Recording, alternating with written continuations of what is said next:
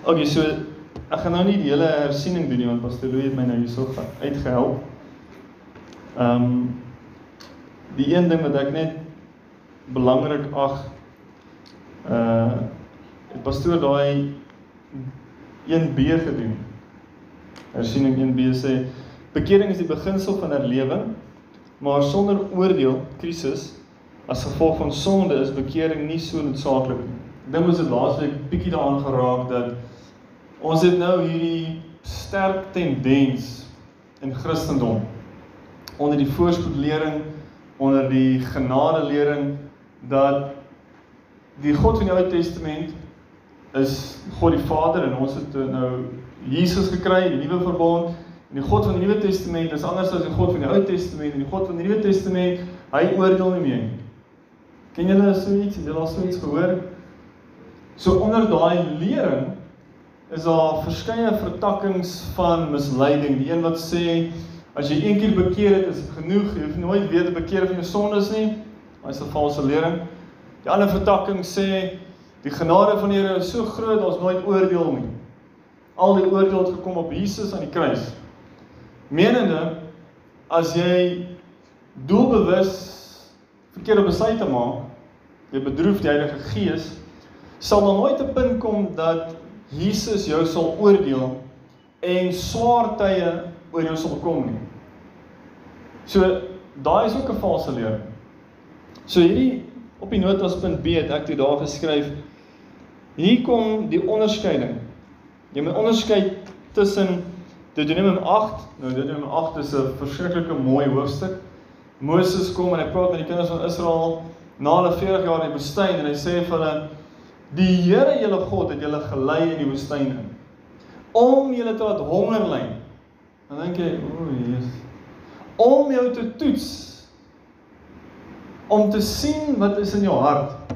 Nie vir die Here om te sien wat is in ons harte nie, want hy kan sien wat is in ons harte. Maar vir ons om te sien wat ons in ons eie harte wanneer ons deur moeilikheid gaan. En die woestyn was voorbereiding vir die beloofde land. Dis wat jy lees in Deuteronomium hoofstuk 8. Nou ons moet onderskei tussen daai moeilikheid prys deur ek glo dis my moeilikheid en en Levitikus 26 se moeilikheid. Levitikus 26 se moeilikheid is hier's 'n volk, hier's mense wat hardkoppig is. Hulle is eie wys. Hulle wil nie luister nie. So die Here bring oordeel oor hulle. Dan sê die Here nou kyk ek of julle gaan bekeer. Nee, die moeilikheid kom en gaan, die mense se harte is nie anders. Nou bring hy ergere moeilikheid. En in Levitikus 26 sê vir ons 4 keer word hierdie moeilikheid erger in intensiteit en erger in intensiteit totdat die mense uitgewis word. En daai is die twee verskillende moeilikhede in jou lewe wat jy in gebed moet onderskei. Is dit woestyn? Die Here berei my voor, karaktervorming of is dit ek het verkeerde besluite gemaak sonder die Here se wil en nou is ek besig om die gevolge daarvan te pluk en die Here gee my oor aan die slegte begeertes van jou hart.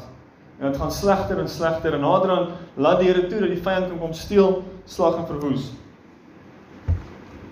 So daai is net vir my 'n belangrike ding met met ons hersiening want ons sien dit in hoofstuk 1. So hoofstuk 2 Hoofstuk 2 ek het hom so opgedeel in uh 1 2 3 dele.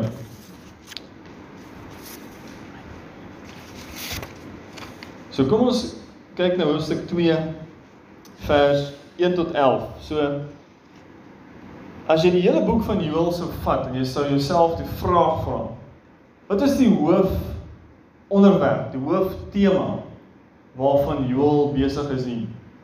Wat moet sy gehoor verstaan en wegvat? Dan is dit die tema van die dag van die Here. So deur die hele Bybel vermoed ek het elke profeet gepraat van die dag van die Here. Sommiges het gesê in daardie dae Jeremia het gekom het gesê daar kom daar Jesaja het gesê die dag van die Here Joel kom en hy sê ook die koms van die dag van die Here. Al die verskillende aspekte waarvan ons lees in die boek van die profeet Joël, die goeie en die slegte is alles deel van die dag van die Here. Nou die dag van die Here is gaan 'n fisiese 24 ure dag wees. Daar gaan 'n oomblik aanbreek wanneer die hemel oopmaak en Jesus kom terug. Maar die dag van die Here soos wat jy lees deur die profete, kom jy agter dis 'n lang tydperk waarin dinge saamloop en opbou En dan kulmineer dit met die wederkoms van Christus. Maar ons het al hierdie kleiner patroontjies deur die Ou Testament. Byvoorbeeld, die uittog uit Egipte uit was 'n klein skaalse dag van die Here. Hoekom? Ons sien hierdie aspekte van die dag van die Here. Daar's altyd oordeel en straf en verwoesting oor die wat teen God staan. Daar's altyd verlossing vir die wat saam met God staan. Die twee gebeur altyd saam in 'n dag van die Here oomblik. Ons sien Egipte, al die gode van Egipte word geoordeel en vernietig en Egipte word vernietig en die farao word vernietig. So daar's vernietiging en oordeel oor hulle wat teen God staan. En daar is dan die verlossing van die mense van God. Die kinders van Israel word gered uit Egipte uit. sien dieselfde ding met Salman Esser. Dis die generaal wat gestuur is deur Sanherib. Die Assiriese koning 722 voor Christus. Daar's verwoesting van die 10 noordelike stamme en daai koninkryk as 'n geheel. En daar's die vlugting van baie mense na die suide toe.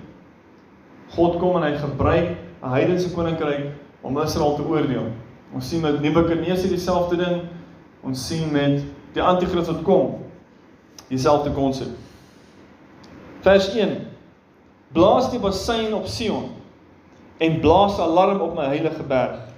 Laat al die inwoners van die land bewe want die dag van die Here kom want hy is naby. Sjoe. Ek het die vraag in my gees gevoel toe ek hierdie stuk so lees in, in voorbereiding. Hoekom die bassein blaas op Sion en in God se tempel? Hoekom nie daar by die nasies nie? Hoekom nie daar in die velde van Israel? Hoekom in die sentrale punt van God se teenwoordigheid die tempel? Want dis God se mense wat weggedraai het van hom. En hy kom om rekenskap te gee aan hulle aan wie hy die openbaring van homself gegee het. Hy kom nie na Babilonië toe of Assirië toe of Farao toe of Egipte. Hy kom na hulle wat hy ken met wie hy 'n verhouding het. En hulle wat die verhouding gebreek het, kom hy en hy maak nou daar reg. So in ons tyd vandag en ons toepassing hierdie is blaas die bassein in die kerk. Blaas die bassein, maak die alarm, kry mense se aandag Hulle wat sê hulle ken die God van die Bybel, hulle wat dalk 'n skynbeeld van godsdiens het. Hulle het groot geword in 'n Christenhuis, hulle hoor van die Bybel, hulle ken die Bybel. As hulle op papier moet skryf, wat is jou geloofsvertuiging, dan sê hulle Christen. Want hulle wil nie moslim tik, hulle wil nie Jode Jood tik, hulle wil nie 'n Hindu tik nie, hulle wil nie ateïst tik nie, hulle tik maar 'n Christen. Dis die naaste wat hulle is. Maar hulle sit hulle self dan onder daai groep en hulle sê dan met hulle monde hulle aanbid daai God maar met hulle lewens doen hulle nie dis dan die mense eerste wat die Here gaan kom besoek en hoe gaan hulle besoek vers 2 sê vir ons 'n dag van duisternis en donkerheid 'n dag van wolke en wolkenag soos die môre skemering uitgesprei oor die berge kom 'n taalryke en magtige volk wat van oudsher sy gelyke nie gehad het nie. En dit hierna ook nie sal hê tot in die jare van die verste geslagte nie. Hoe gaan die Here nou kom? Hoe gaan hy die dag van die Here bring? Hoe gaan hy sy oordeel bring op sy mense? Hy rig 'n ander mense op. 'n bose mense. 'n mense van 'n ander geloof en hy laat hulle toe om mag te kry oor sy mense. en om dan sy mense te oordeel, te verwoes, te onderdruk. Nou hier is nie lekker as jy dit nou vir vir Christene moet sê. Maar hier sit ons in Suid-Afrika. Ons sit nou al wat ons is nou by 2023. Van wanneer af is die ANC in die regering? Van 1996 af. Soos 23 jaar. Vier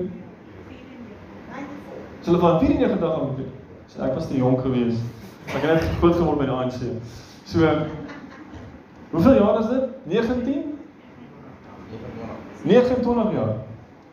29 jaar wat ons as 'n land, 'n Christelike land onder 'n kommunistiese regering sit.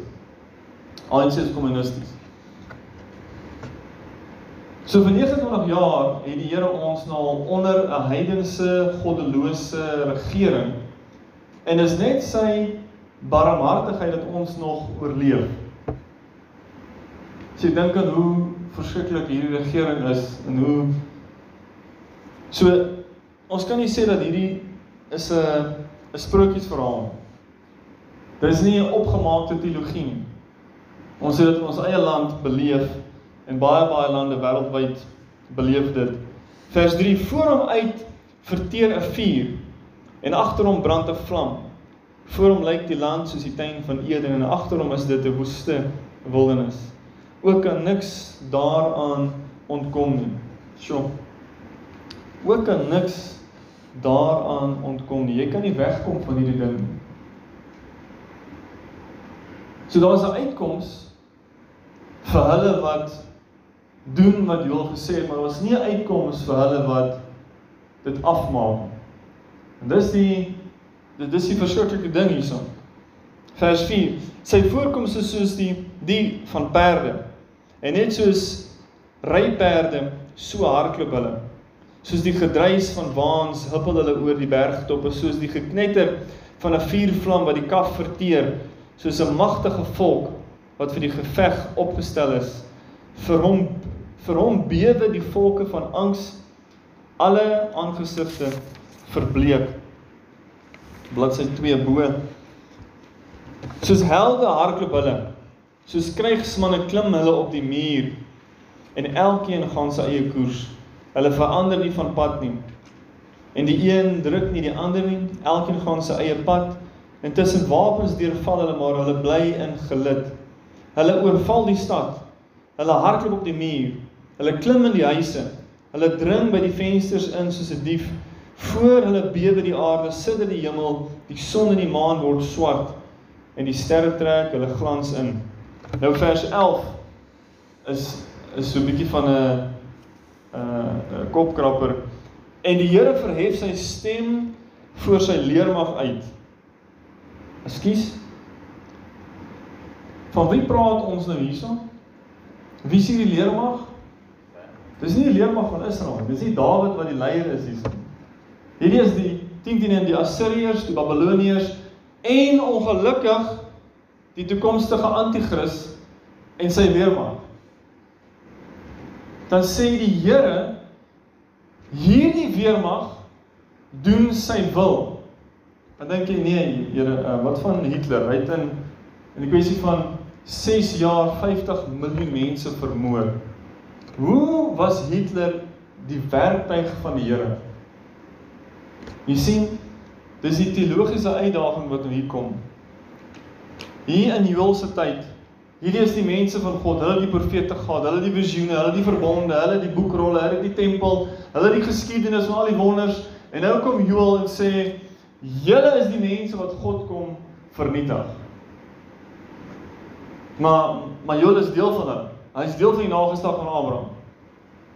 En nog nooit het so iets gebeur dat God sy eie tempel oorgee in die hande van sy vyande nie.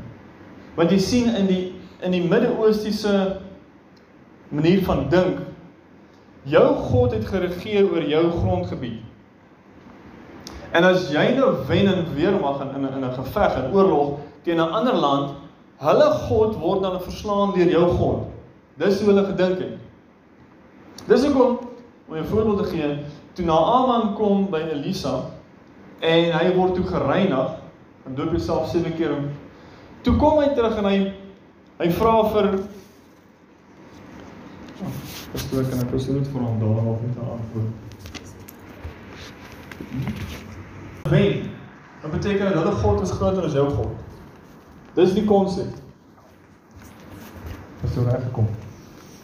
En hulle gaan net jou ma help sleep jou ma die kar. Hou dat jy sleep so dat. Wow, okay, okay, so goed. Okay, okay. Dan sê ek so net hierdie audio moet behoorlik edit. Ek weet nie wat nou aan gaan. So vers 11 en die Here verhef sy stem voor sy leermag uit. Want geweldig groot is sy leer. Ja, magtig die uitvoerder van sy woord. Dis die die kopkrapper konsep hierson. En ons sien die patroon. Die kinders van Israel in Egipte het afvallig geraak van God. En die Here laat toe dat Farao opstaan, 'n nuwe Farao wat Josef nie geken het nie. En hy verdruk die kinders van Israel. En toe Moses kom toe sê hy nee, ek ken nie hierdie God van julle nie. En God het toegelaat dat sy hart verhard. Hy het toegelaat dat Farao homself verhef sodat God homself kan verheerlik deur Farao. Maar Farao het verskriklike booshede gedoen teen die kinders van Israel. Verskriklike goed. Na hom sien ons Nebukadnesar. Deur Jeremia word hy genoem God sê hierdie is my diensknegt. Ek gaan toelaat dat hy kom en hy gaan my oordeel oor julle volbring. Dis hoekom hulle Jeremia in die tronk gegooi het. Want Jeremia het niks goed gesê oor 'n bose regering nie. En uh as jy mense van invloed omkrap, het jy moeilikheid. Maar daar sien ons die patroon. Heidense koning, heidense regering, heidense weermag kom en oordeel God se mense en God sê ek gebruik hulle nou.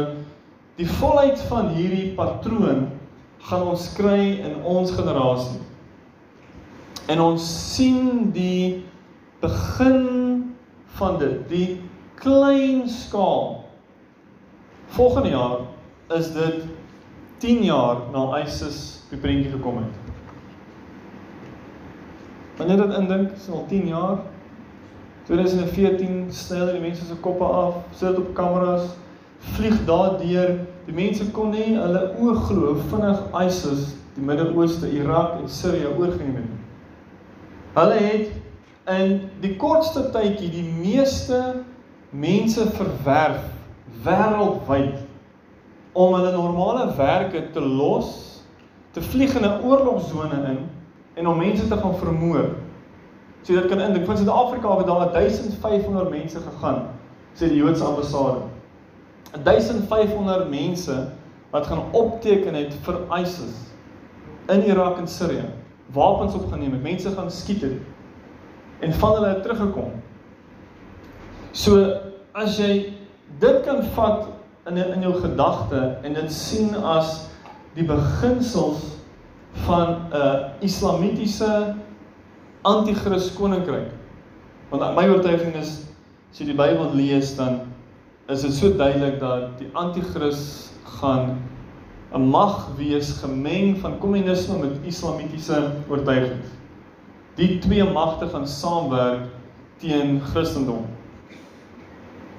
En as dit so is, dan sê die Here, hierdie is die uitvoerder van sy woord. Hy gaan toelaat dat die leier groter en sterker word, mag uitvoer, die wêreld verdruk en dan gaan die Here homself verheerlik deur om daai mag te breek. Want die mense gaan sê, wie op aarde kan teen hierdie mag gaan? En op die oomblik is daar 54 Arab Arab Arabiese lande met hulle eie parlement. So jouself indink as daai lande hande vat met kommunistiese lande, dan het jy die meerderheid van die wêreld wat dieselfde haat het, dieselfde mag het, dan het jy 'n probleem. Daar's geen wapentuig, geen mag wat teen daai magste kan staan nie. En die laaste deel van daai vers 11 sê: "Want die dag van die Here is groot en uitermate vreeslik. En wie kan dit verdra?"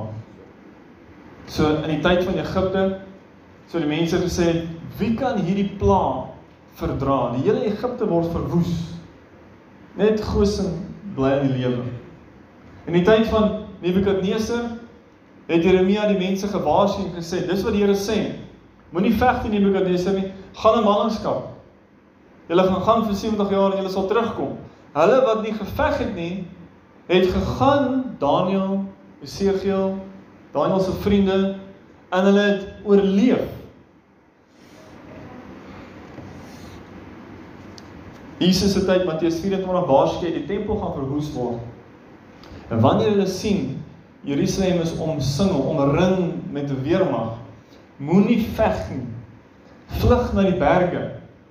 So in daai tyd wat dit gebeur 70 na Christus Titus kom, die generaal en hy veg teen Jerusalem op 'n Sabbat en hy maak 'n miljoen Jode dood.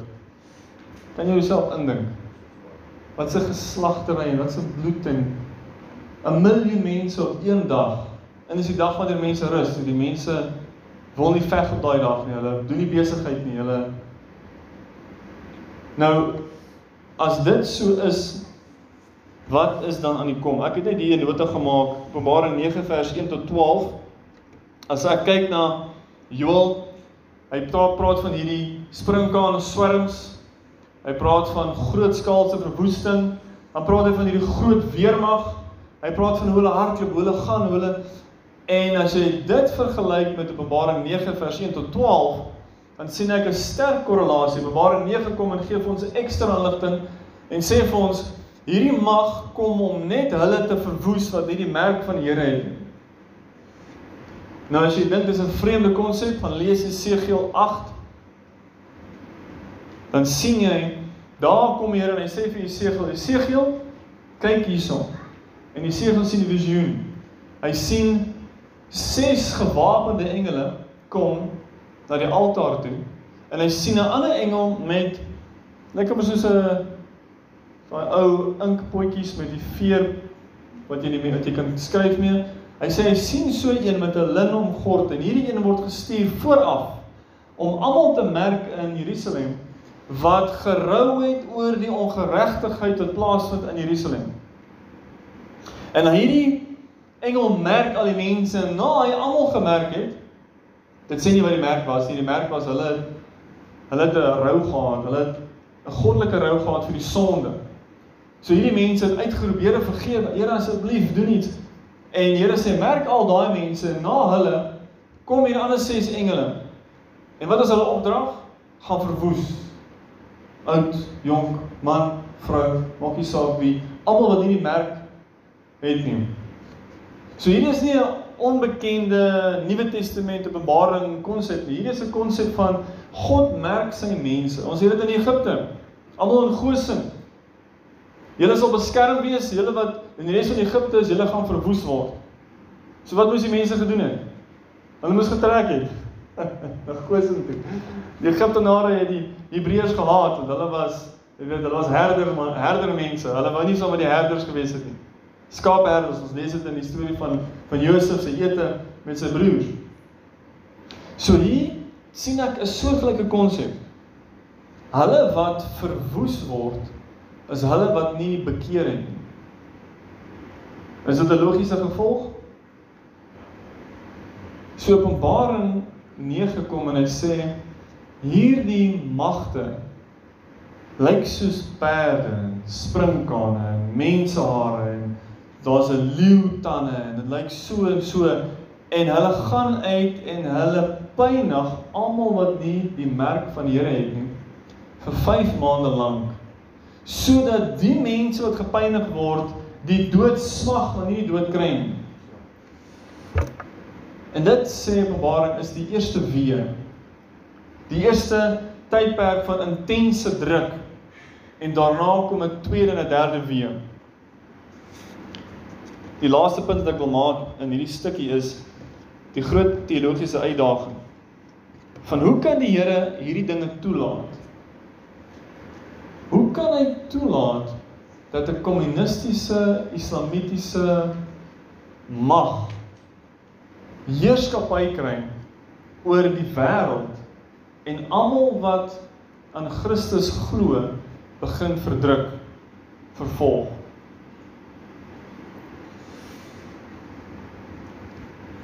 En dan dink jy daaroor dink jy wel wag net eers. Romeine 1 vers 17 tot 19. Ek wil dit vir julle lees hierson.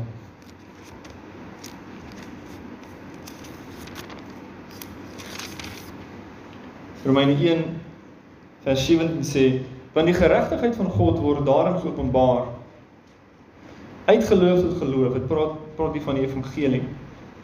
Deur die evangelie word die geregtigheid van God geopenbaar. Dis uit geloof tot geloof. Soos geskrywe is, maar die regverdige sal uit die geloof lewe. Nou ongelukkig is daar 'n opskrif wat die volgende stukkie nou bietjie verdeel en dink jy dis nou 'n ander konsep, maar vers 18 sê want die toorn van God word van die hemel af geopenbaar oor al die goddeloosheid en ongeregtigheid van die mense wat in ongeregtigheid die waarheid onderdruk. In konteks praat hy hiervan deur die evangelie van Christus het ons openbaring gekry. Ons het begin insig kry van wat? Ons het begin insig kry van die geregtigheid van God. Dit is 'n bietjie van 'n groot konsep. As ons die woordjie geregtigheid vervang met die manier hoe God jou aanvaar. Deur die evangelie, die goeie nuus van Christus, het ons uitgevind hoe God ons aanvaar en hoe God ons verwerp. Deur ongeloof en ongehoorsaamheid verwerp hy jou. Deur geloof en genade aanvaar hy jou. OK, die volgende ding sê hy, die evangelie van Christus het ook die toorn van God openbaar.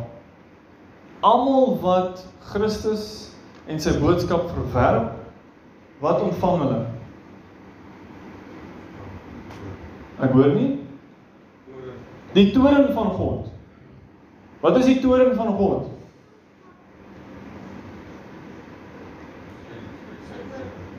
Sy oordeel. Wat is die uiteinde van sy oordeel? Die hel. Dalk 'n bietjie hel nou en dan baie hel later. Maar dis die hel. So deur die evangelie kry ons die geregtigheid, die aanvaarding en ons kry die verwerping, die oordeel, die toorn. OK. So as ons as ons dan teruggaan en ons vra hierdie vraag, hoekom sou God dit toelaat dat hierdie magte wêreldwyd heerskappy kan hê? Nommer 1 dat die evangelie kan voortgaan. Want in moeilike tye kom meer mense tot bekering. Het ek enigiets om daar om dit op te staaf? Ja, so geopende deure in nou 2023. Hulle dink hulle begin in 1993 het hulle gesê, het hulle die World Watch List bekend gestel. Met so kort videoklip geluister van die ou wat dit ontwikkel het. En dis nou hulle 30 sien wat hulle nou al bekendstel. En so hulle 30 jaar se data van 50 lande ten minste waar vervolging plaasgevind het en hoe dit ontwikkel het en hoe dit dan versprei het van daai lande na ander lande en ander lande. En saam met hierdie data sien hulle twee dinamikas. Een, die onderdrukking van gelowiges. Twee, die toeneem van gelowiges.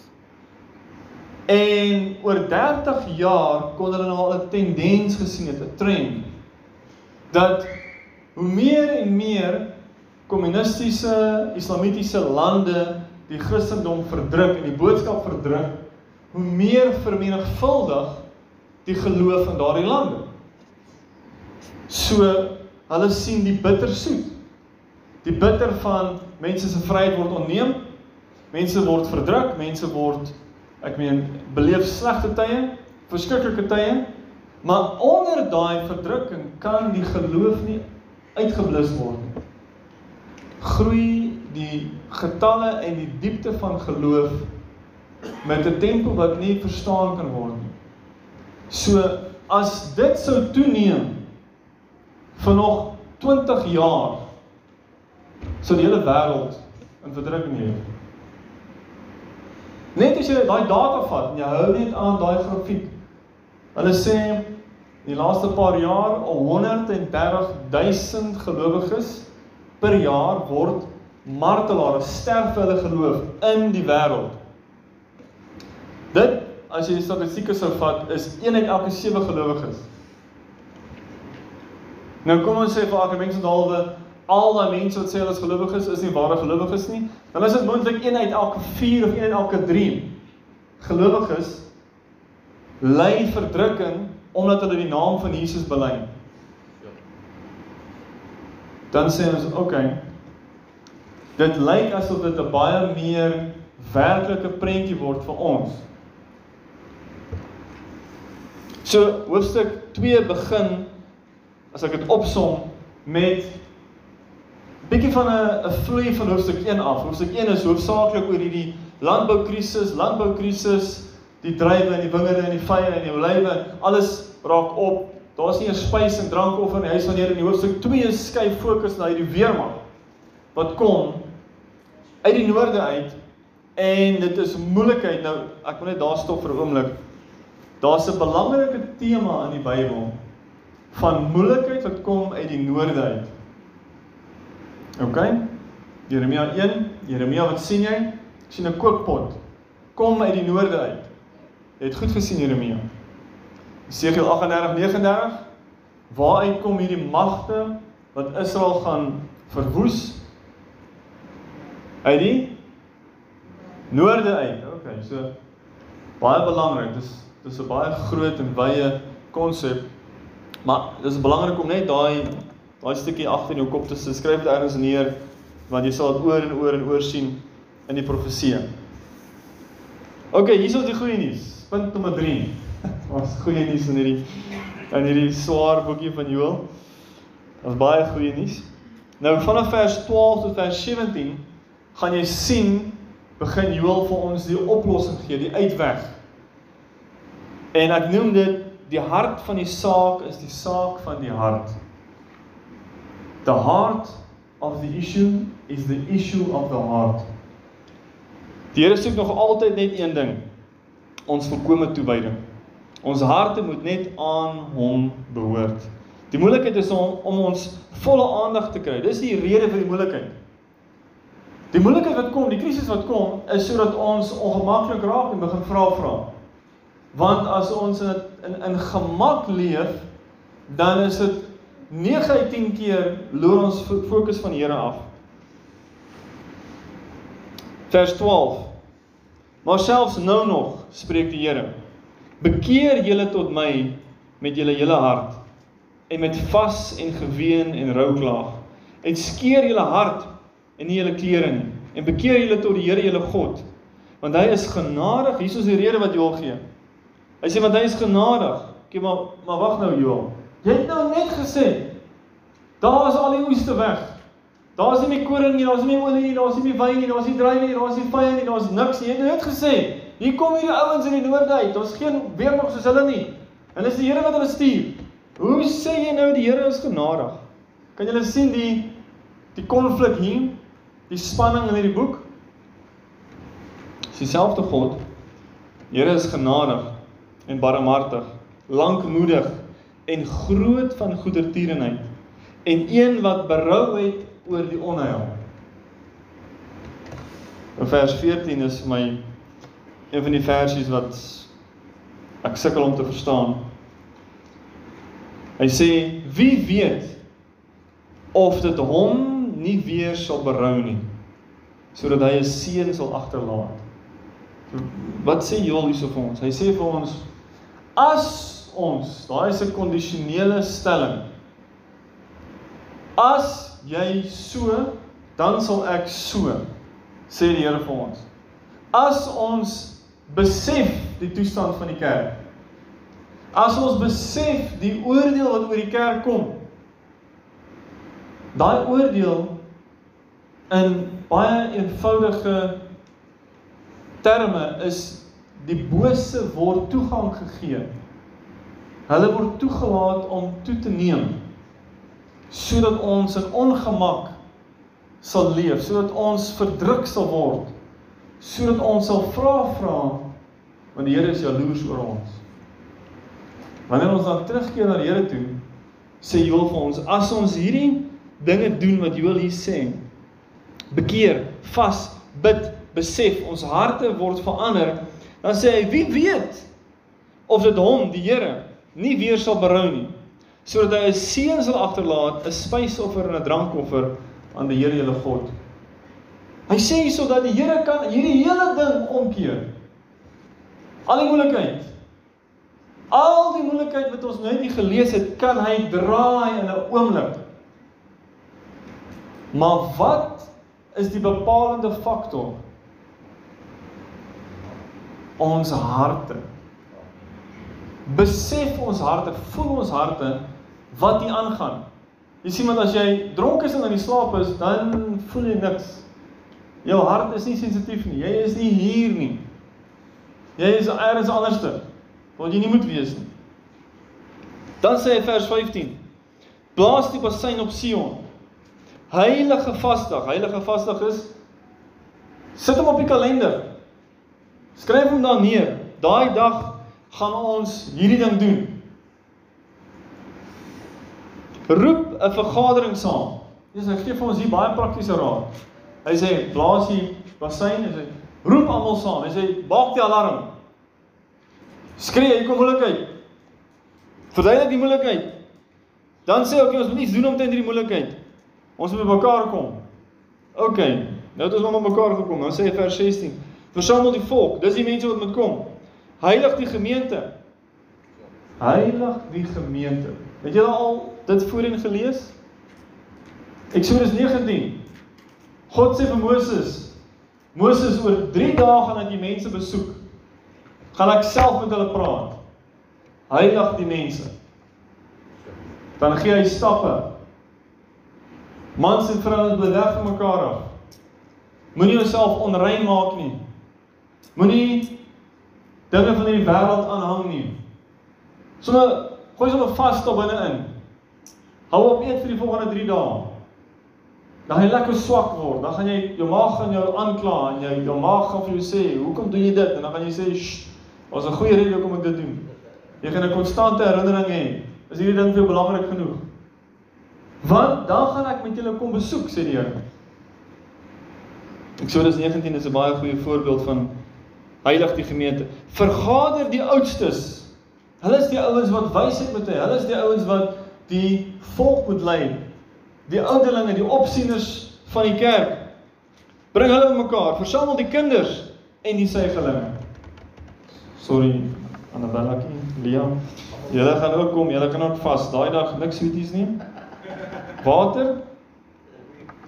Nou sê dit hierso, die laaste gedeelte van ons vers 16. Hierdie ding moet so ernstig wees dat die bruidegom uit sy kamer uitgaan en die bruid uit haar slaap vertrek. Hulle het al hierdie moeite gedoen om nou te trou. En dan hoor hulle die Here gaan kom, daar gaan oordeel wees. Daar gaan bloed in die strate wees. Dan stop hulle selfs daai belangrikste dag van trou. Maak nie saak of die Springbokke en die All Blacks speel nou spruit nie. Daar's belangriker dinge as dit. Nee? Maak nie saak of daar 'n groot besigheid ding is nie, dis dis belangriker as dit. Vers 17. Laat die priesters sien hy hy maak my baie spesifiek hierson. Laat die priesters, die dienaars van die Here, tussen die voorportaal en die altaar ween en sê O Here, so hier gee hy vir ons die gebed. En dan die Here is baie prakties. Baie baie prakties. Sê hier is jou gebed. Hier's wat jy moet bid. O Here, spaar u volk. Heel eerste ding wat jy moet besef as jy daai woorde bid. Wie het die onheil toegelaat om tot hier toe te kom? Die Here. Die gebed hier is nie ons bid jou vyand in die naam van Jesus. Want dis wat die dis wat die kerk doen, dis wat mense doen. Bid daai demoon wat nou losbandigheid daar laat toelaat en daai stakings daar ons bid daai demoon van rebelsheid en nee nee nee julle daar's 'n tyd en 'n plek daarvoor. Dalk in jou eie huis, jou eie kinders. Jy weet. Maar hier sê dit die priesters, die dienaars van die Here moet ween, hulle moet hartseer wees, hulle moet rou O Here, spaar u volk en gee u erfdeel nie oor aan smaadheid nie. dat die nasies met hulle so, met hulle spot nie. Waarom sou hulle onder die volke sê waar is julle God? Hæ? Huh? So die pastore, die geestelike leiers in Suid-Afrika moet kom en moet besef die moeilikheid wat oor Suid-Afrika kom is die Here wat toelaat dat die bose se agenda toeneem. Is dit die wil van die Here vir sy mense? Nee. Joel 2 sê vir ons Die Here se wil is nie dat sy mense uitgewis word nie. Hy het 'n plan met hulle. Maar hy sal toelaat dat die ding hierdie onheiligheid en hierdie onreinheid en hierdie boosheid oor sy mense kom sodat die verhouding herstel moet word. En ek dink dis my en dis hierdie hierdie is die die hart van die hele Joel en as jy hierdie vat as die hart wat die Here soek van ons in elke probleem. Elke keer as daar 'n probleem is, dan soek die Here hierdie antwoord. Daar's nie 'n ander antwoord nie. Dis hierdie is die antwoord. OK, kom ons gaan na bladsy 3 toe. Heel bo. Nommer 4. So ons het die eerste gedeelte van hoofstuk 2, die oordeel, die onheil, die weermag, die kontroversie dat hierdie nou van die Here af gestuur is. Hier is die antwoord sê Joel, doen hierdie vas en bid en rou en besef hierdie hele probleem kom van 'n gebroke verhouding. Dis 'n huwelik wat op die rotse is en die Here wil huwelik red. En hy doen dit deur om die vrou wat weggeloop het met doringtakke haar toe te maak. As jy gaan lees in Hosea, dan sê hy ek het jou omring met doringtakke. So Hoe verder jy loop weg van my, hoe meer steek hierdie dorings jou. Want as jy pyn beleef, dan begin jy vra vra. Jesus is nou lekker hierso. Nee nee nee. Kom terug na my toe. Die Here sê in, in Hosea, ek sal haar bring in die woestyn in. Wat is die woestyn? Moeilike tye, moeilike plek, ongemaklike plek. En daar sal ek met haar vriendelike woorde spreek want daar gaan sy nie kwesbaar word. En dan sal dit wees soos in die dae van die uittog uit Egipte. Jy weet, met al Israel se moeilikheid in die woestyn. As jy gaan lees in Hosea en as jy gaan lees in Esegiel 16, dan sê die Here, daai was die dae toe Israel soos 'n bruid was vir hom. O, oh, het hom lief gehad. O, Here, kyk daai mense. Hulle wil net heeltyd terug gaan Egipte toe. Hulle maak al die moeilikheid. Hulle moes vir 2 jaar in die woestyn gewees het, toe hulle vir 40 jaar in die woestyn, maar dan kom die Here en hy sê, "Kyk nou net, julle was so mooi gewees. Julle was my prys, ek het julle so versier, mooi gemaak en julle liefde vir my." Hy sê, Jeremia 2 gelees, hy sê dieselfde. "O, oh, dis die die die bruidstyd van julle." Nou oké. Okay, dis nie so moeilik vir ons om die bruid te wees. As is al die voorbeeld was in die woestyn. opskrif van hoofstuk van van hierdie punt 4 hoofstuk 2 vers 18 tot 31 Voorspoed te midde van teëspoed. Dit is die beste hoe ek dit kon opsom. Want die teëspoed is hierdie weermag het nog nie weggegaan nie. In die toekoms wat nou gaan kom, daar gaan voorspoed wees oor die wat hulle harte dra na die Here toe. Die voorspoed gaan ekonomies wees, geestelik wees, liggaamlik wees. Maar te midde van verskriklike teëspoed. Wat gaan die teëspoed wees? Die verdrukking van hierdie wêreld. Die haat van die Here. Kom ons lees ek Joel 2 vers 18. Hierdie hierdie versie het my so getref. As jy dink aan baie versies in die Bybel, dink ek hierdie is een wat moet uitstaan. Toe het die Here geëiwer vir sy land en sy volk verskoon. Hæ? Huh? Wag, wag, wag nou, Here. U het nou net gesê u stuur hierdie groot leermag. U het nou net gesê u die drankoffer en die spysoffer weerhou van die tempel af. Het nou net gesê hierdie mense is so goddeloos, so rebels, u gaan hierdie weermag stuur teen hulle.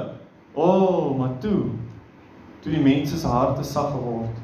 Toe hulle besef, toe hulle teruggedra na die Here, toe hulle gebid en gerou en gevas en die Here se aangesig gesoek.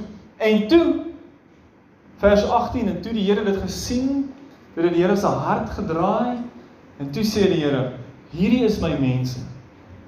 En die Here het geëiwer vir sy mense. En hy het sy land verskoon. Wat is die gevolge daarvan? Vers 19 sê vir ons: En die Here het geantwoord en aan sy volk gesê: Kyk, ek stuur vir julle koring en mos en olie sodat julle daarvan versadig word en ek maak julle nie meer tot 'n voorwerp van smaad onder die nasies nie. Ja, ek sal die sprinkaan swerm uit die noorde afkomstig van julle af wegjaag en dit wegdrywe na 'n dor en woeste land. Sy voorhoede na die oostelike see en sy agterhoede na die westelike see toe.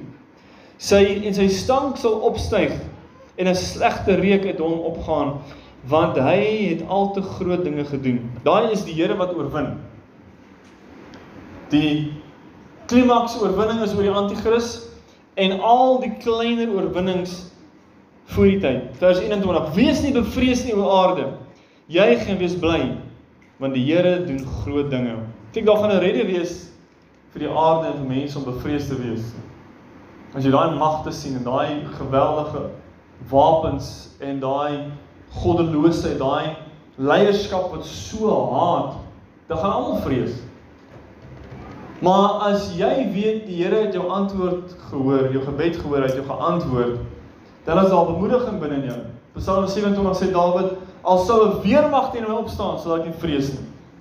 Want hy sê die Here is met my.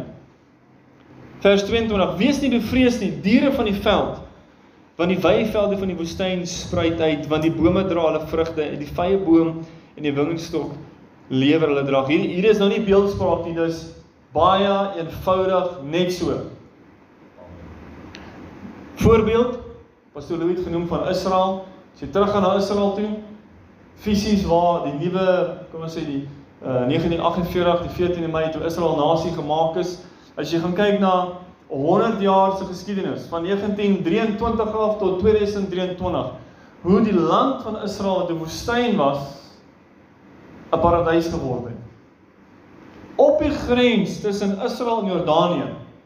Israel se kant is paradys, is Eden. Paar kilometer oor die grens is woestyn. Hoe die Here dit doen is soos hy gesê het hy dit sal doen. Vers 23. En julle kinders van Sion, juig en wees bly in die Here julle God, want hy gee julle die leraar tot geregtigheid. Wow. Wat wat is dit? Wie is dit? So dis Jesus, die Heilige Gees. Die Here gee ons die leraar tot geregtigheid. Hy leer ons wat behaag hom dat ons welgevallig kan leef voor hom. En hy laat op julle neerdal die reën, die vroeë reëns en die laat reëns soos voorheen. Hier wil ek net 'n nota maak en, en sê Handelinge 2 was die vroeë reëns. Daar's 'n later reëns wat nog kom. Handelinge 2 kom Petrus en hy sê hierdie wat julle sien is wat gespreek is deur Joël. Daar was baie dinge gespreek deur Joël. Joël het gesê die volk is in sonde. Die volk word gaan geoordeel word. Toe is daar 'n groepie mense wat die boodskap hoor en hulle bekeer toe en hulle roep die Here aan. En Petrus en daai groepie disippels is die groepie wat Joël 2 vers 12 tot 17 gedoen het. Die Here aangeroep het en toe die belofte ontvang. Kan jy dit sien? Vers 24. Dan sal die dorsvloere vol koring wees en die parskype van mos en olie oorloop. En ek sal julle vergoed die jare wat die die trekspringkaan, die voetganger, die kaalvreter en die afknyper verslind het, my groot leermag wat ek teen julle gestuur het. So weer eens sê die Here, hy gebruik heidense regerings, heidense koninkryke om sy mense te oordeel Maar hy is ook die een wat hulle kan breek. 19 Wat was dit 19 hoeveel is die die eistergordyn gelig? 1996 92. Kan jy onthou? 92. Daarom in die 90s. Dit was voorheen voorspel voor die tyd dat die Iron Curtain en die mag van kommunisme in Oos-Europa gaan gebreek word en daai lande gaan oopgaan vir die evangelie. En dit het net so gebeur. Die mense het gaan bid, die mense het gaan intree, hulle het gaan vas in daai lande teen daai magte en die Here het daai magte gebreek. Hy is die een wat die die nasies in sy hand hou. Vers 26. Dan sal julle oorvloedig eet en versadig wees. Nou, wanneer ons by Haggai kom, dan sê Haggai 1, kom die profeet en hy sê, julle het geëet en julle was nie versadig nie. Julle het gedrink en julle dors was nie geles nie. Omdat julle weggedraai het van hier af. Nou, wanneer ons bekeer na die Here toe, dan sal ons oorvloedig eet en versadig wees en die naam van die Here julle God prys wat wonderbaar met julle gehandel het. Wonderbaar in die konteks van een hy het julle oorgegee in die mag van die vyand. Nooit het jy gedink dit sou gebeur nie. En toe jy besef daar's 'n verhoudingsprobleem en jy bekeer tot die Here, toe draai hy alles terug. Dis net die Here wat dit kan doen. Dis die wonderbaar hoe die Here met ons gehandel het. En my volk sal in ewigheid nie beskaam staan nie. En julle sal weet dat ek in julle midde is, in die midde van Israel is. Hierdie is so interessant as jy Jesegiel gaan lees en jy gaan let op hoeveel keer sê die Here en dan sal julle weet dat ek die Here julle God is. Deur die hele boek van Jesegiel. En sê al hierdie dinge gebeur sodat julle sal weet dat ek die Here julle God is. Gaan jy terug na Egipte toe, na Farao toe? Dan sê Moses vir Farao en hierdie sal kom sodat jy Farao sal weet dat die Here God is. Dis so, okay. Ons begin 'n konsep hier sien, 'n beginsel.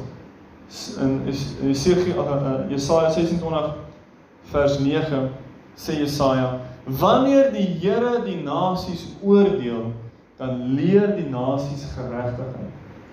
Hulle begin besef wie God is wanneer God sê genoeg is genoeg.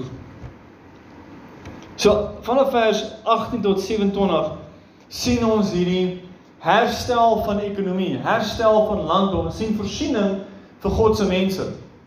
Nou ek dink in ons tyd nou is dit anders as in daai tyd. Daai tyd was dit hiersoos die hele nasie. Die hele nasie word aangeval, die Here keer die aanval af, die hele hele nasie word gered. Nou het ons kerk wêreldwyd. Ons het 'n mengsel. In elke nasie is daar mense wat die Here aanbid en ons mense wat hom nie aanbid nie. So nou dink ek, Here, hoe, hoe gaan U dit nou doen? En dan dink ek dis eenvoudig, die Here gaan 'n onderskeid maak tussen die wat sy mense is en die wat nie sy mense is nie. En die wat sy mense is, sal hy voor voorsien. Hulle sal gelei word. Hy sal hulle beskerm en die wat nie sy mense is nie, hulle sal agteruit gaan. Hulle mag dalk saam wees met die koninkryk van die wêreld en dink hulle gaan vorentoe, maar hulle word verhard en verhard en die oordeel van die Here hoop op oor hulle. Nou hier kom ons by vers 28 tot 32. Eindelik die ding wat ons nou so in ons harte het. En daarna, let op daai eerste stukkie. En daarna na wat? Na al die dinge wat vooraf gebeur het. Na ons besef het ons het 'n probleem, en ons probleem is 'n verhouding wat gebreek is met die Here. En die gevolge van hierdie gebroke verhouding is moeilikheid wat kom. Ons het nou al gesê ons het nou al 29 jaar moeilikheid onder hierdie heidense regering.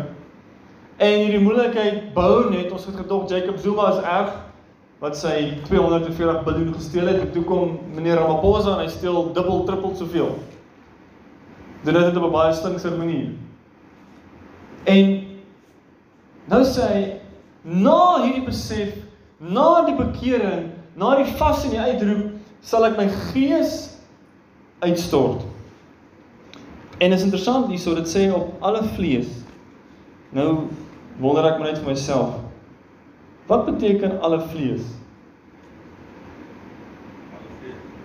Ja, dis dit soos gaan, gaan die Here sy gees uitstort op alle lewende mense op aarde. En wat gebeur as die Here se gees val op iemand wat verhard het soos 'n farao? Sal dit wees soos wat met Nebukadneser gebeur? Vir 7 jaar is hy geslag om soos 'n wilde dier te word in die veld en hy sy kop verloor want die gees van die Here het oor hom gekom oor 'n leier wat homself verhard het teen die Here. sien daar is hierdie twee gevolge as die gees van die Here oor jou kom. Ons sien koning Saul gaan hy, hy jaag vir Dawid en hy kom by Samuel in die skool van die profete en wat gebeur toe hy daar aankom? Toe slat hy neer soos 'n mal man, hy trek sy klere uit, hy skaal en hy en die mense, die profete sê, "Hey, wat gaan nou hier aan? Is koning Saul nou onder die profete? Is hy ook nou 'n profeet?" Nee.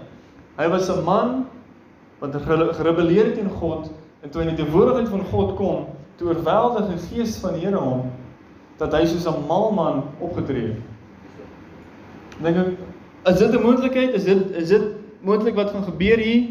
Of is dit dat selfs die goddeloosste mense sal die Here sy gees oor uitgiet en die gees van oortuiging gaan hulle harte tref? Het jy al die stories gehoor van ehm um, wat is daai predikant van Wallis. Uh Edward Roberts, dink ek is sy naam. Vir die Welsh Revival. Kan jy onthou wat sy naam? Ons sal so 'n bietjie in die Bybelskool gaan, ons 'n paar van hulle deurgaan. Maar dit word gesê dat toe sy trein, of die trein waarop hy is in die dorp ingekom het, dan het die teenwoordigheid van die Here so sterk gekom oor daai dorpie dat die mense in die kroeg het begin bely van hulle sondes en bekeer van hulle sondes. Want al wat hy gedoen het is bid en die Here soek en bid en die Here soek en bid en die Here soek en 100 000 siele tot bekering gekom. Dat selfs in Wallis het hulle die nasionale sportdag as jy dit gaan opsoek. Nou, ek dink is dit 1903. Die dag toe hierdie nasionale sports beelkoms moes gehad het, het hulle gestop en gebid. Hulle het eers daai dag sport gehad. Nee. Dan is die vraag, waar is daai hongerte dat ons dat ons dit weer sal sien? Dat die ekonomie tot 'n stilstand kom omdat die mense deurboor word van die sonde besef. Sê nee, vandag stop ons die hele myn, al die produksie. Vandag gaan almal bid en vas. Huh? Sê nee, daai daai 100 miljoen of 20 miljoen se se doelwit beteken niks as die Here nie met ons is nie. Kom ons ons stop en ons vas en bid. Nou wie is die gevolge wanneer die gees van die Here uitgegiet word? En julle seuns en julle dogters sal profeteer. Die profetiese gawe, die riem van die gees word sterker, dieper en die kerk begin meer een word met die koninkryk van die hemele. Julle ou mense drome droom. Julle jongelinge gesigte sien. En ook op die diensknegte en die diensmaagde sal ek in die dae my gees uitgiet. So hierdie skrifgie alleen kan ons 'n hele paar sonnaande ingaan en die vraag vra wat beteken dit? Hoe lyk dit as ons kindertjies begin profeteer? Eendag om eetkamertafel sit ek daar en ek sê vir die kinders ook, okay, dan gaan ons begin profeteer. Dan gaan ons die skrif vat en ons gaan die beloftes van die Here spreek oor Babelton. Dis profeteer. Een aspek daarvan. Ons gaan begin spreek wat die Here gesê het, wat die wil van die Here is. Dan gaan ons begin profeteer teen die bose. Ons gaan daai skrifte uithaal, Jesaja 25, waar die Here gesê het, elke ding wat hoog is en opgehef is, sal ek tot niet maak, ek sal afbreek. So hier elke gedagte wat hier nie staan, elke lering wat hier nie staan, breek ons nou af. Daar is profeteer. Dis nie net wanneer ons in 'n diens is of ons in 'n tyd van aanbidding dat iemand nou sporadies op die hitte van die oomblik voel hy die Here sê vir hom sê nou so. Daai is ook profeteer. Maar jy kan ook net die woord vat en sê in geloof, Paulus sê vir ons, na mate van jou geloof profeteer. Hoeveel glo jy die woord van die Here? Glo die woord van die Here en spreek dit. Dis profeteer ook. Ou mense drome droom. Job kom en hy sê dis die gesigte in die nag. Nou ek dink dis interessant. Ek het hierdie verduideliking gehoor eendag en dit maak dit vir my nogal 'n bietjie logies sin. Hoekom mense drome in die aand ontvang is een rede daarvoor is wanneer jy slaap is jou liggaam heeltemal stil. En so liggaam stil is lank genoeg, dan raak jou siel stil. Jou wil, jou emosies, jou denke raak stil. En wanneer jou liggaam en jou siel stil raak, dan kan jou gees ontvang. Dan begin jy sien en hoor in die gees. Dis hoekom Job dit noem die gesigte in die nag. So deur Genesis sien jy oor en oor en oor hoe die Here gepraat het deur drome. Dan jy kan dit afmaak as net ag ek het te veel pizza geëet die vorige aand. Maar as jy nie sensitief raak nie en as jy ook nie leer om stil te raak liggaamlik, jou gedagtes gevange te neem deur gebed, deur die woord voor jy gaan slaap, dan gaan jy onontvanklik wees. Jy gaan nie ontvanklik wees vir vir die kommunikasie van die Here nie. En jy gaan dit dalk afmaak asof dit niks is nie. En dan die Here eintlik jou met jou probeer praat. So die kommunikasie van die hemele sal toeneem. Julle jongelinge gesigte sien in jou denke wêreld. Ons noem dit jou verbeelding. Die verbeelding is die baarmoeder vir die gees. As jy nie in jou verbeelding kan sien dat die Here iemand in 'n rolstoel kan opwek nie, Hoe gaan jy geloof hê daarvoor? Nee, ons het gesien op ander mense, ons het gesien op movies of video's of getuienisse hoe iemand gebid het en so nou sien ek daai prentjie voor my. Toe ek gebruik jou verbeelding en herroep daai prentjie wat die Here die wonderwerk al gedoen het en glo dat hy dit weer kan doen. Gebruik gee jou verbeelding oor aan die Here en droom dit wat hy gesê het in die woord. Bedink daai goed sê Paulus in jou verbeelding. Maar meer as net die verbeelding, die oë gaan oopgaan om te sien in die gees. So, dis iets waarvoor ek bid en Pastor Louis die Here sê daar's meer. Ons het natuurlike oë en ons het geestelike oë. Wanneer jy droom, is jou geestelike oë oop. Wanneer jy bid en jy sien 'n beeld in jou verbeelding, dan is daai jou geestelike oë wat iets gesien het. Maar het jy al opgelet, dit is baie keer onduidelik. Soms het jy 'n duidelike prentjie en baie keer het jy 'n onduidelike prentjie. Dis ons geestelike oë wat nog nie duidelik kan sien. Vers 29 en ook, ek het nog gelees, vers 30 En ek sal wondertekens gee aan die hemel en op die aarde bloed en vuur en rookpilare. Nou ek weet nie mooi wat die Here hier bedoel by bloed en vuur en rookpilare nie. Dit klink baie vir my soos dinge wat ons sal sien in oorlog. Bloed en vuur en rook. As jy kyk waar hulle oorlog voer, dan sien jy bloed, vuur en rook, maar dan dink ek die Here sê ek sal wondertekens gee aan die hemel en op die aarde. Nou in die hemel bloed, vuur en rookpilare. Laat my dink aan die uittog uit Egipte uit. Hæ? Die water wat in bloed verander het, die rookkolom wat 'n wolkkolom is hierdie dag, 'n vuurkolom in die nag. En dan dink ek kyk is dalk soos 'n tweede uittog uit Egipte uit, hierdie groot skaal se verlossing van die Here vers 31. Die son sal verander word in duisternis. Nou sonsverduistering ken ons, dis 'n teken.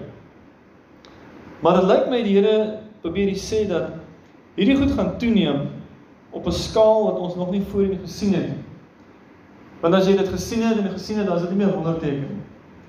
Maar as dit gebeur op 'n skaal en op 'n manier wat wat gaan nou hier so aan? Nie of julle onthou nie, maar het julle al gesien Hoe lyk dit wanneer het die son net daar in die in die dag, dis 'n mooi helder dag. En dan is daar 'n reënboog reg om die son. Het julle dit al gesien? Ja, die dag. Was dit nou nie daar? Dit was alweer so net gewees. Ek onthou my swaar daar gewerk in Johannesburg. En toe begin die mense so fanaties raak by die warehouse. Hy sê hulle jy was nie, so so gaan iets in die gang daar so hoor. En ek kom kyk wat's dit. En ja, kyk ons so, as hierdie verskyning in die hemel. Die mense so bol geraak want hier is so nog gebeur in die hemel. En ek dink daai is daai is 'n voorbeeld van 'n wonderteken vir my. Jy wonder oor die teken. En die son sal verander word in duisternis en die maan in bloed. 2014, 2015 het ons het ons hierdie blood moon tetrax gehad. Het julle gehoor van dit? Ja. Baie op hol oor aarde en allerlei snaakse goed nou. Ek is nie vir al die hype nie, maar ek is vir die kyk na die teken en vra die vraag. En let op. En moenie net afskiet wat gebeur nie. Moenie deur die stroom van die hype weggesmee word en allerlei verkeerde gevolgtrekkings maak want toe begin mense sê okay okay 7 jaar ons begin tel ons het bloedmaan gesien 7 jaar dan begin hulle datum stel dan begin hulle kyk en dan kom die Here en die Here verstom die mens. Want die Here kan sy koms versnel en hy kan sy koms vertraag. Dit was my nogal interessant om dit lees in in Petrus En dit nie maar ook 'n heenwyse wat Openbaring van praat dat hy sê in die laaste dae is God dan hierdie straf en vloeke oor die aarde uitspreek. Hy sê die son sal verduister en die maan sal bloed word nie. Dat dit dat dit 'n tweeledige teken is vir ons as kinders van die Here. Is dit 'n wonderteken wat sê wow, something is happening. God is coming. En Here is goed. Ons ons weet is gekoppel, maar vir die ou wat in die son ongeregtig lewe is dit tot straf. Want hy sê dis wanneer die oordeele oor die aarde kom. So Mm. want ons weet wat dit is iets wat nou gebeur maar ook in die toekoms. So is kan daar nie 'n mate van konnektasie wees van Mm. eintlik openbaring. Definitief. As jy gaan kyk Matteus 24, Markus 13, Lukas 21, oral daar praat Jesus van die son en die maan en die sterre. Die tekens in die hemel wat voor sy koms gaan toeneem as waarskuwings vir ons. Iets is aan die gang. Kyk, die koms van die Here is voor die hand. Die oordeele soos Pastor Louis sê in Openbaring. Nou hier sê dit vir ons vers 31, die laaste gedeelte. Hierdie tekens voordat die groot en deurligtige dag van die Here kom. So julle gaan hierdie goed sien, ons gaan dit goed sien en dan moet ons oplet. Die Here sê hierdie gaan jy sien voor ek kom. En dan gaan hierdie toeneem voor ek kom. En vir die wêreld gaan mense allerlei NASA experts gaan hulle verduidelikings gee en ag, dis net dit en ag, dis net dat en dit gaan mense vang in die kerk om dit net af te maak. Want hulle het al hoeveel snaakse profete gehoor sê hierdie datum, hierdie dag gaan Here kom. En dan raak dit so baie van daai valse leringe en valse profete dat die mense raak afgestomp vir die sensitiwiteit. Jy sien, die verdraaiing van 'n ding beteken nie die ware ding bestaan nie. Dit beteken net ons moet meer onderskeid tref dat alles wat verdraai word, moet ons kan uitken en sê nee, hierdie is nie die ding van die Here af nie. Vers 32. En elkeen wat die naam van die Here aanroep, sal gered word. Want op die berg Sion en in Jerusalem sal daar ontkoming wees soos die Here gesê het en onder die vrygeraaktes die wat die Here sal aanroep. Hoekom sal jy die Here aanroep? Die toestande in hierdie tyd waarvan Joel praat is nie maanskyn en rose nie. Want daar gaan 'n groot groep wees op aarde wat God verwerp oor wie die oordeele gaan kom. Hongersnood, oorlog, pes. En in daai toestande gaan mense die Here aanroep vir verlossing. Dit sê hierso die vrygeraaktes. Jy kan net 'n vrygeraakte wees as jy 'n gevangene was. Né? Nee? Jy kan nie 'n vrygeraakte wees as daar nie gevaar was nie. So die konteks van hulle wat die Here aanroep is nie in 'n kerkdiens nie. Alhoewel ek glo daar gaan mense wees wat die Here aanroep in 'n kerkdiens. Die konteks hier is in 'n groot moeilikheid roep die Here aan. Nee, sal gered word. Paulus kom en hy noem hy haal hierdie skrif hier aan in Romeine 10 vers 9 en verder tot by vers 17.